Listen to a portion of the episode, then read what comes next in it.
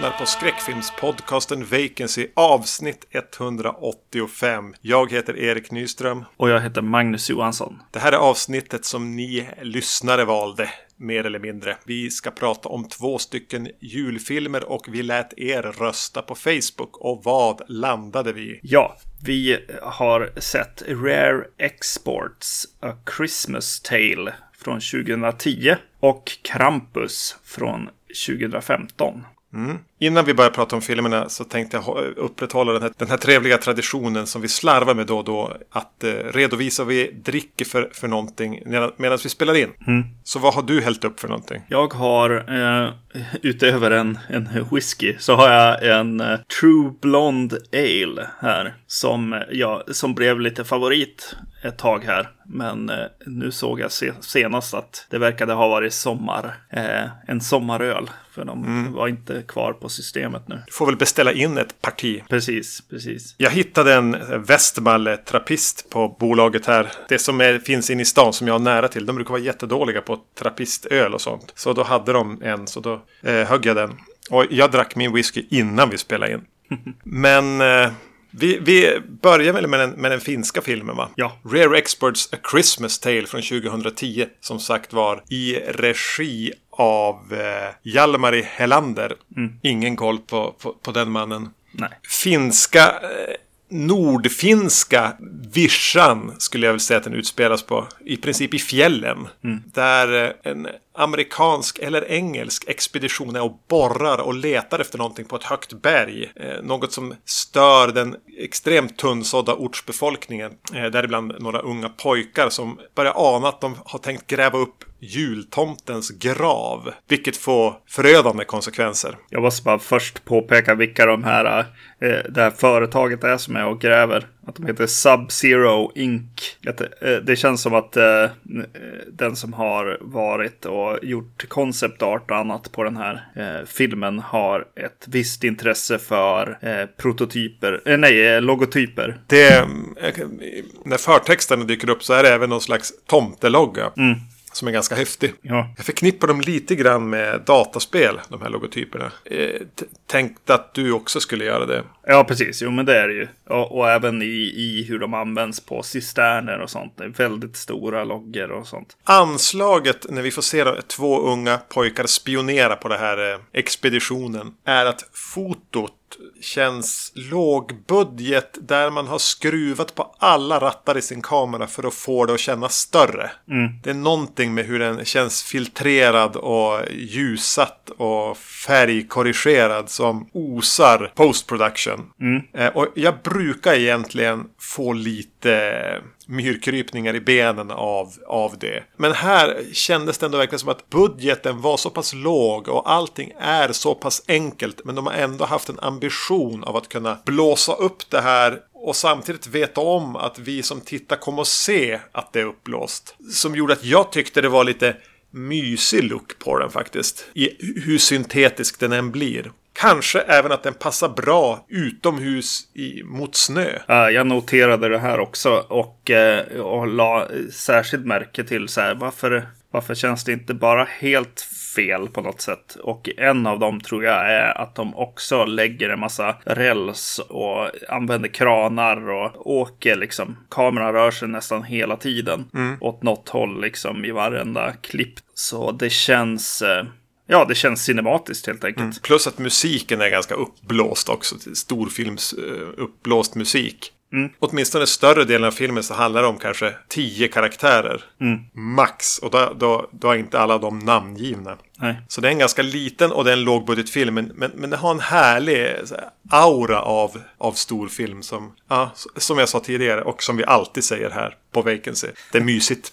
Precis. Men det är också att vet du, allting är byggt eh också. Eh, scenografin liksom. Mm. Att eh, de har eh, ändå gjort lite val i vad folk har på sig kontra bakgrundsfärger och sånt. Hur de har, särskilt när de är i sitt hem där bland annat. Mm. En av de här pojkarna börjar ju senare ta på sig lite skydd. Sådär, hockeyskydd. Ja. Som har väldigt starka färger på ett sätt. Men lite or orange och sånt. Och då har de i, i köksluckor och annat bakom har de lite grönt och annat liksom som, som kontrastar fint med det. Så lite genomtänkt är den ju. I, ja, precis. De, de, har gjort en liten film ganska stor ut med hjälp av scenografi och foto. Mm. Scenografin är ju väldigt, alltså den är både stiliserad och låg budget och lite kärv på ett sätt. Och det går ju igen i karaktärerna. Det är väl kanske en handfull pappor eller vad man ska säga. Det finns inga kvinnor i den här filmen. Mm. Skäggiga i, i sån här Helly Hansen och mössa och äh, en bister min genom hela filmen. På ett sätt som är extremt stereotyp. Alltså det är skamlösa klichéer till män det här. Bränner runt på gamla, gamla skotrar och slaktar saker. Hela mm. tiden med, med samma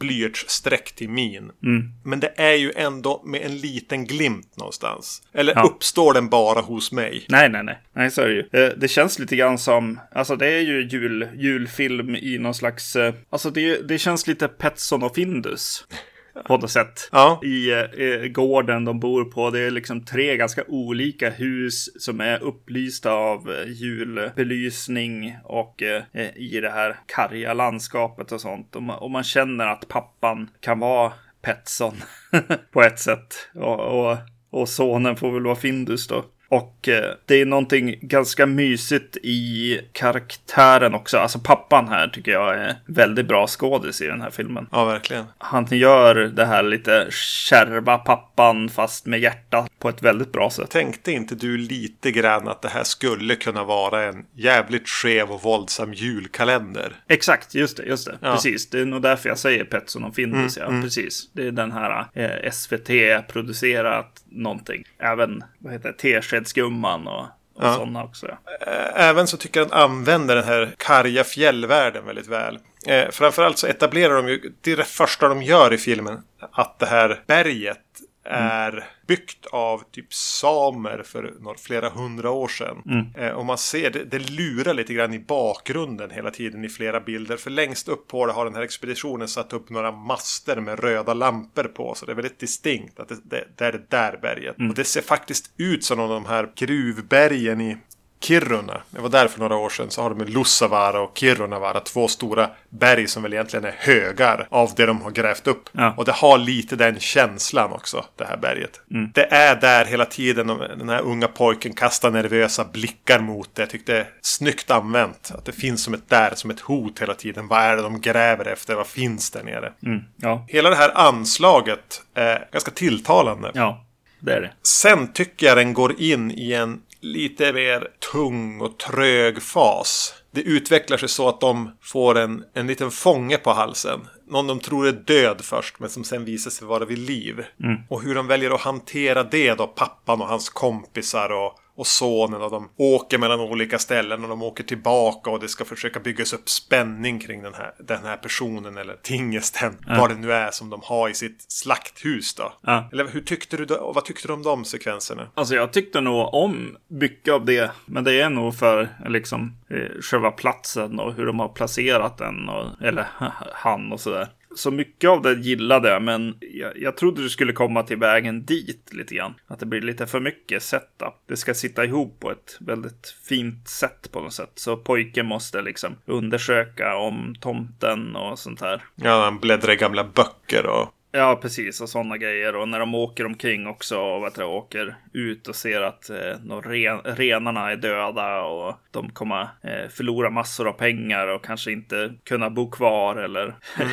nästan överleva där om inget händer. Det kommer många sådana på rad. Alltså mm. det, det, staplas scener på ett sätt där jag tycker den får problem i, i en dramaturgi. Alltså det är inte så att saker bygger på varandra speciellt mycket. Enskilda scener kan jag tycka har en viss grej. Men när de hittar de här slaktade renarna och ja. de tror att det, de skyller lite grann på de som är uppe på berget. Att de har skrämt på något sätt eller att det har kommit dit varg eller så lyfter pojken här på någon de, något ben på en ren och så ser man ett mänskligt fotavtryck i blod under den i snön. Mm. En enskild scen så äh, är kanske för lång. Men ändå att den är lite, just det där med, med fotavtrycket tyckte jag var en härlig idé. Ja. Det här resulterar sen att de åker upp på berget för att ja, ta tag i de här jävlarna. Så är de bara borta. Och liksom, de hittar någon så här halvt urdrucken kaffekopp. Och bara, Oj, de har, fick visst bråttom. Vilket är bara, hela filmen talar egentligen om för oss att de är döda. Någonting har kommit upp ur det här jättehålet de har grävt. Och dödar dem. Så jag har redan accepterat det. Ja. Och sen så staplas det några scener lite, lite kantigt. Och sen kommer det en scen återigen där vi får träffa på som expeditionens, eh, vad ska man kalla det för, förman. Utanför en hangar som står och gormar om någonting. Jag bara, men, ni är ju döda. Ja, just det. Och sen händer det någonting med dem då. Jag bara, var det där en tillbakablick eller vad det är vi någonstans? Att det är en ganska liten och enkel historia men den, den tappar koncentrationen.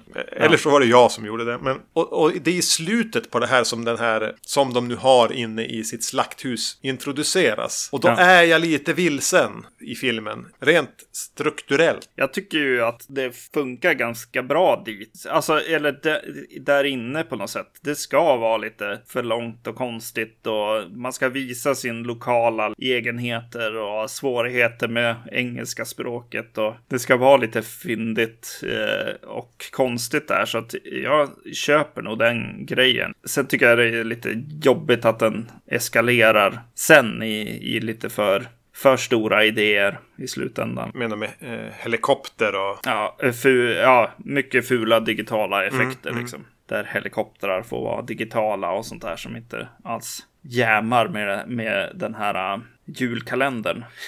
Så då tycker jag bättre om den här fysiska eh, saken eller personen i eh, s- slakthuset. Där. Vad tyckte du om det som var inne bakom dörr 24 då? I, i den här stora hangaren? Det, just den var väl ganska Ja, schysst. jag, sådär. jag gillade hela den idén och hur- alltså Ja. att det är ditsläpat en massa så här elelement och hårtorkar och grejer. Just det. Eh, Och att det bara sticker ut de här två stora sakerna. Av någon anledning så pratar vi gåtor här, men jag, jag, jag, jag tyckte det var lite roligt kände jag nu. Ja, jag Att gillar vi har ju inte gjort någon spoilervarning och det kan väl vara skönt att inte spoila en film för en gångs skull. Nej, precis. För det är lustigt att du säger att du gillar inte den här eskaleringen där den börjar leka ännu mer storfilm med helikopter och avledande manövrar och spränga saker som de håller på med. Och jag fångades upp igen någonstans när de kommer till den hangaren och där de sätter igång med då den här pojken som hänger under helikoptern. Ja, och. Ja. jag, jag, jag tyckte det var härligt så här Goonies eh, julkalender fast gjort av någon lite halvknäpp filmnörd som skulle skoja om tomten. Alltså det, eh, den svepte med mig någonting. Jag blev lite engagerad och även om jag håller, det ser fruktansvärt fult ut vissa av sekvenserna. Men när den ändå flyger och det, det som springer nere på marken där i all sin prakt. Eh, Tyckte jag hellre var fyndigt då än, än att det föll samman på att det var för fult. Ja, nej, jag hade nog, jag hade nog fastnat lite grann för att pojken och pappan sitter och äter kakor i köket. Enda liksom. de äter i den här filmen är pepparkakor. Ja, precis. Och den här roliga när pojken har, har satt någonting, eh, ja, har, har byggt en, eh, en fälla i öppna spisen. Just det, ja. Det gillade jag. också. Ganska härligt ner, nerspelat. Ja, Eh, några saker till. Eh, de presenterar ganska tidigt mytologin. Och det är ju att tomten var inte nödvändigtvis bara en snäll gestalt. nej. Utan eh, han var inte sen på att bestraffa och att liksom samerna blev less på han. Så de lyckades lura ut han på någon sjö och han gick genom isen och frös och de begravde han sen i det här enorma berget. Eh, och man får se några skisser på den här riktiga tomten, inte den som vi klär ut oss till nu. Visst gillar du tomtemytologi? Eller är det bara något jag har fått för mig? för när vi pratade om, eh, jag tror jag säger rätt om jag säger Christmas Evil. Ja, just det. När vi gjorde ett, kan det vara när vi gjorde ett sånt här julfilmer-avsnitt senast för tre fyra år sedan. Ja. Eh, om den mannen som eh, inte är riktigt frisk och börjar associera med tomten. Den filmen är också lite ingrottad i sån här Mm. naughty-listan också. Eller vad man ska säga. Ja, precis. Så jag tänkte att du skulle tagga igång på, på det här direkt. Alltså det, det, det mesta är väl just att, att det är ju Krampus i princip som vi pratar om här. Så det var ju väldigt eh, trevligt att se utifrån det här. Men ja, ja det gör jag kanske. Jag tycker väl om sådana där saker överhuvudtaget lite grann. Lite av de här my- mytomspunna grejer som skogsrået och sådana grejer liksom. Näcken och, och sånt. Men ja, kanske. Ja. För jag, för jag gillade i den här, alltså okej det blir lite Ja. övertydligt eh, exposition att sitta och bläddra i de här böckerna. Men bakgrundshistorien här är också ganska mysig. Med just att de, Ja, det är den. ja, samerna ledsnade på tomten liksom. Och frös ner han i en sjö. Begravde han Ja, under ett och- berg. Det är en... Och hur de har begravt han också. eh, Alltså hur de börjar inse att jo, men det är ju här, här han ligger. Är ju att de eh, borrar djupt och så får de så här sågspån i borren. Mm, mm. Vilket de säger, pratar om så här, ja men förr i tiden så för att hålla, hålla ett isblock nedkylt så la man liksom sågspån på det mm. för att hålla saken eh, är kylan inne. Det tyckte jag om också. Det var lite så här trevligt när man är och bläddrar i lite böcker och mm. så här. Ha no någonting på kött på benen helt enkelt. Ja, men du nämnde pappan. Han är skitbra. Mm. Men jag blev nästan mest förtjust i den här helikopterpiloten. Ja, Pispanen eller någonting. Han som en ja. ful, lång, lite längre hockeyfrilleaktigt och ett jätteskönt skägg eller jättemustasch i alla fall. Och så pilotbriller hela tiden. Ja. Förmodligen ingen trevlig person. Men, men också det där, det där hjärtat av guld. Liksom, att han har, kommer för att hjälpa dem när de hamnar i situation. Ja, men jag hinner det här mellan mina tomterundor. Just det, precis. Eh, också helt straight spelad hela tiden. Lite så här survivalist eh, karaktär. Fast kanske bara mest att han är, har bott ja. där länge.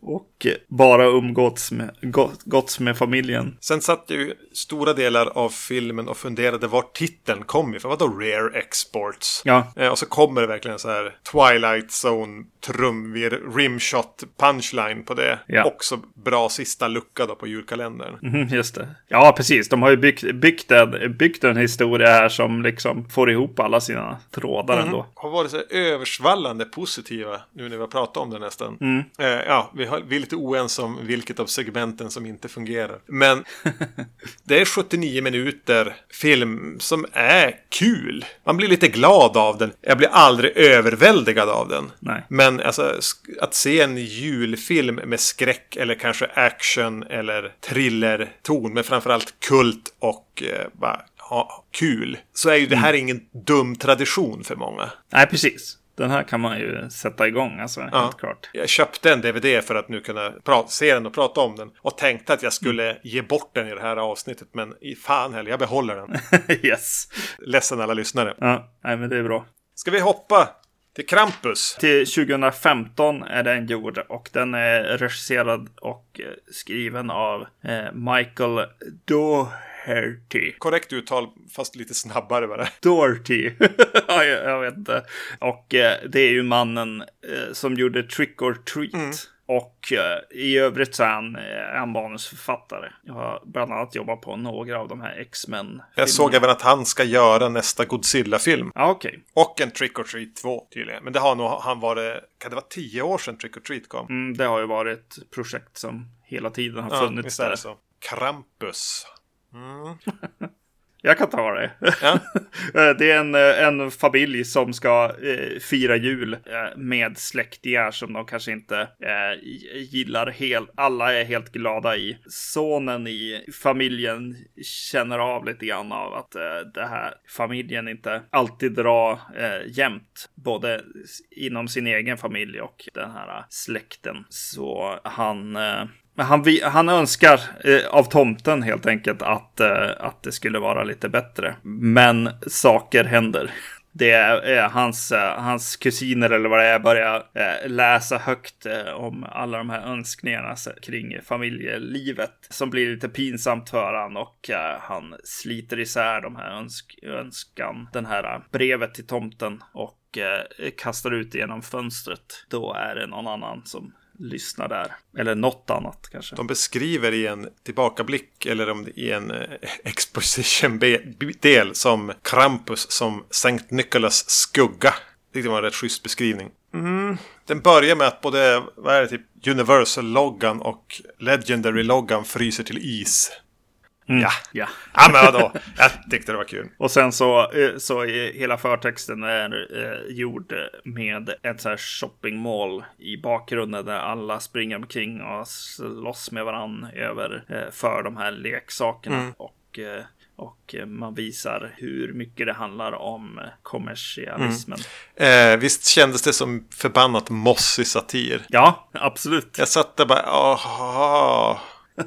Vad fräscht det här kändes. Alltså okej, okay, den är tre år gammal. Men det här gjorde inte Arnold en film om typ det här 95. Det enda som känns, eh, kändes lite roligt. Eh, eller intressant var att jag tyckte att, att det, vart den slutade i en presentation av familjen. Mm. Liksom där eh, den här sonen som väl är huvudkaraktären eh, slåss i, med eh, mob, ja, mobbare typ i skolan. Medan de håller på med en sån här, vad heter det, eh, julspel. Jo, alltså de väver ju in familjen vi ska presenteras för i den. Men att behöva se en platt och trött satir över att julen handlar ju bara om att köpa saker. Mm, att vi precis. egentligen bara blir irriterade och stressade när vi borde mysa i soffan. Jag vet inte. Ja, precis. Och e- egentligen överlag, alltså att vi, att vi får en, liksom en start på en, en päron till farsa fira jul sen också. Med släkten kommer och ingen gillar varandra egentligen. Och någon har dragit med sig någon moster eller vad det var. Mm. Som de inte alls vill ha där. Ja, det är märkligt hur lik den är just ett päron till farsa fira jul. Ja. När jag tror att det de siktar på är typ Gremlins. Ja, just det, precis. Ja, men tonen försöker väl vara den här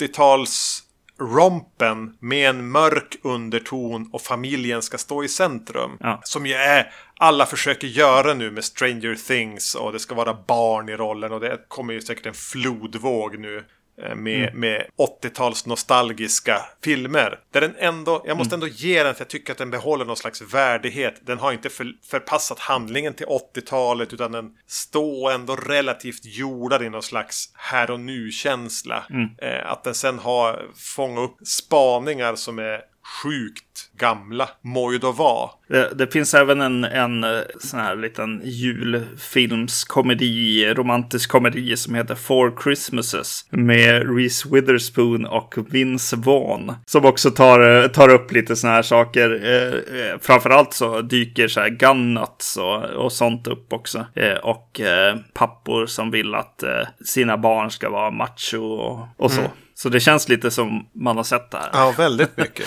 reruns. Förutom att jag har aldrig sett Krampus för. Nej, exakt. Och hela det här, det som händer. Ja, exakt, exakt. Det är ju det som, som blir stora grejen och behållningen, absolut. Eh, det är ju någon eh, efter att han har kastat ut de här, den här lappen och eh, det direkt kommer ett, ett orosmoln. Eh, direkt blir liksom rejäl vinter utanför eh, Suburbia, huset mm. här. Så börjar ju liksom hans styrkor komma fram lite grann.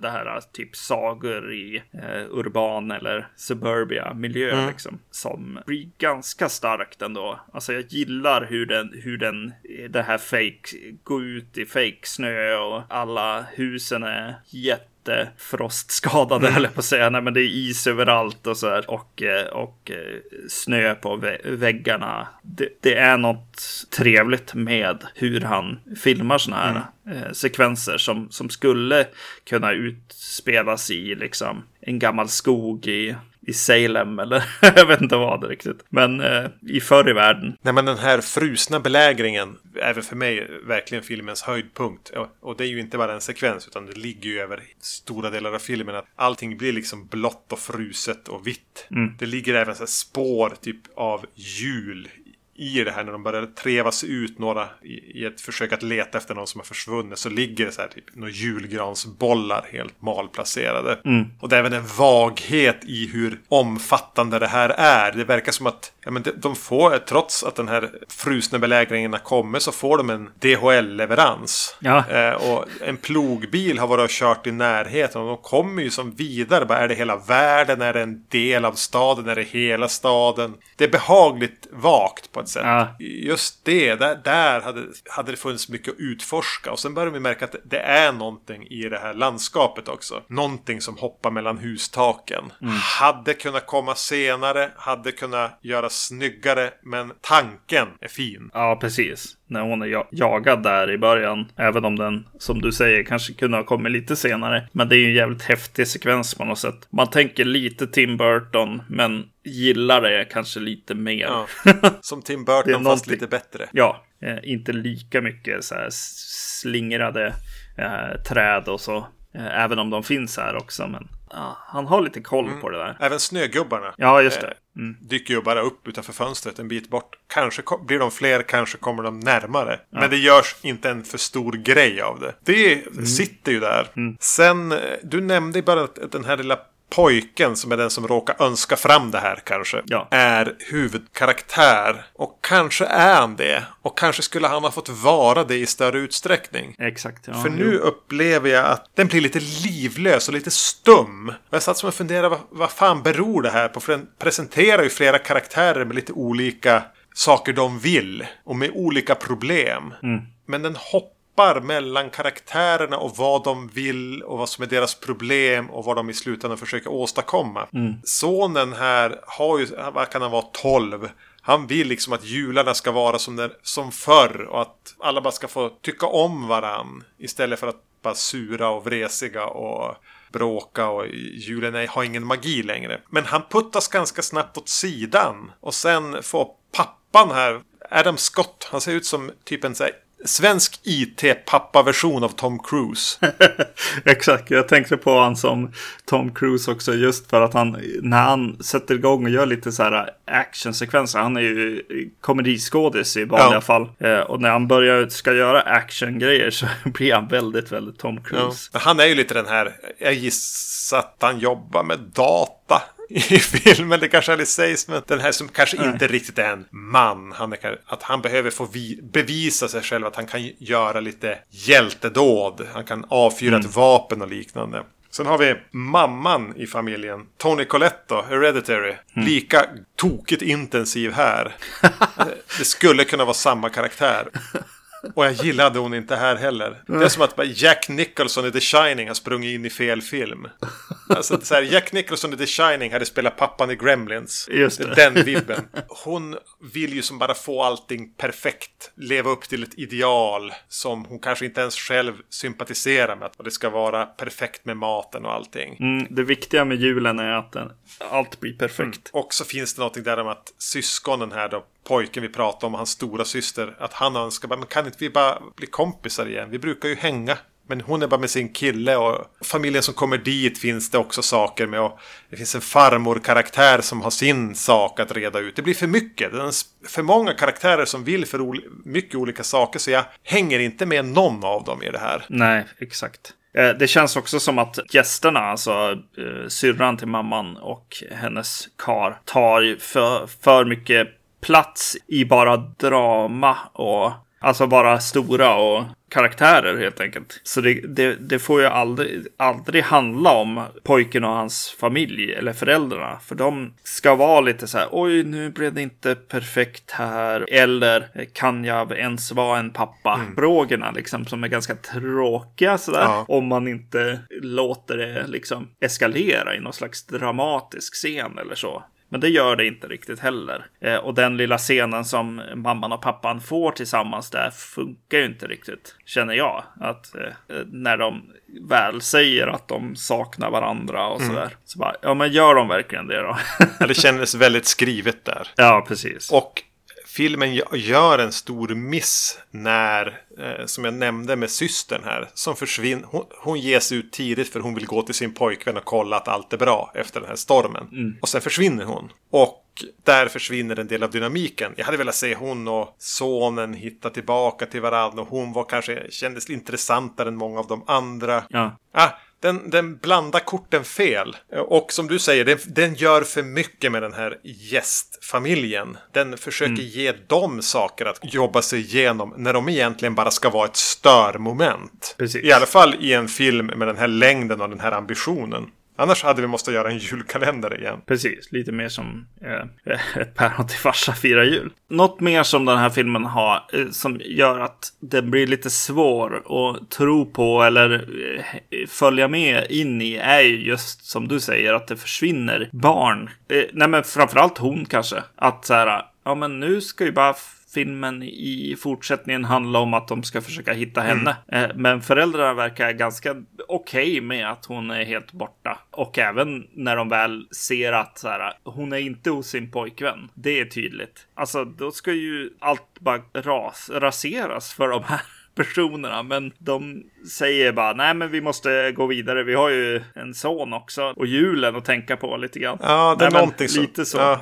det klingar falskt hur de väljer att hantera att hon är försvunnen när de förstår att eh, i deras begreppsvärld borde de ju vara övertygade om att hon är död. Precis. Det fortsätter väl så liksom. Hur kan man hålla uppe en komisk ton här på något sätt? Ja, det kan i alla fall inte regissören Nej. här. För vad som händer med alla de här barnen och så. Det är ju det, det är ganska, det är en ganska grym och småond film på ett mm. sätt. Eftersom att de tar död på, på barn och så i den här filmen. Nästan uteslutande höll jag på att säga. Men ja, typ. Nej, det, det blir lite konstigt. Konstigt att hålla på med, med scener ens.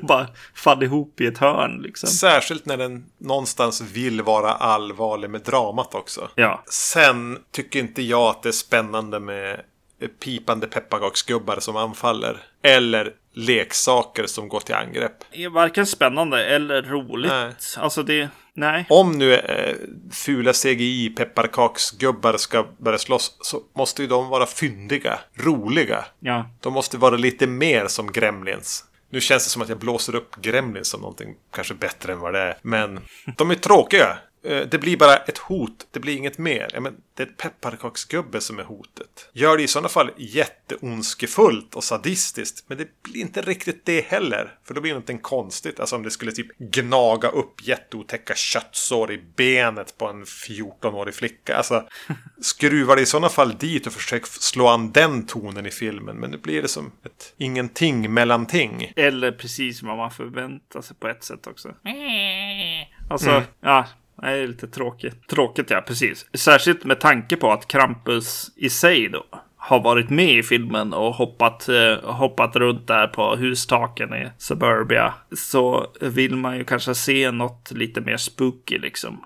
Och det gör de ju även när, när liksom de tittar ut och försöker, ska vi gå förbi de här snögubbarna? Och då springer det runt siluetter där. Mm. Så att det blir ju lite tråkigt att det inte är de hoten som är de som agerar liksom. Jävla leksaker. Jag tyckte i och för sig att den här är typ en sån här Jack in the box-masken med en, alltså, typ sväljer barnen hela. Den mm. hade någonting lite skevt över sig på ett annat sätt. Men eh, ja, underutnyttjat. Mm, just det, lite Freddy Krueger-vis mm. där.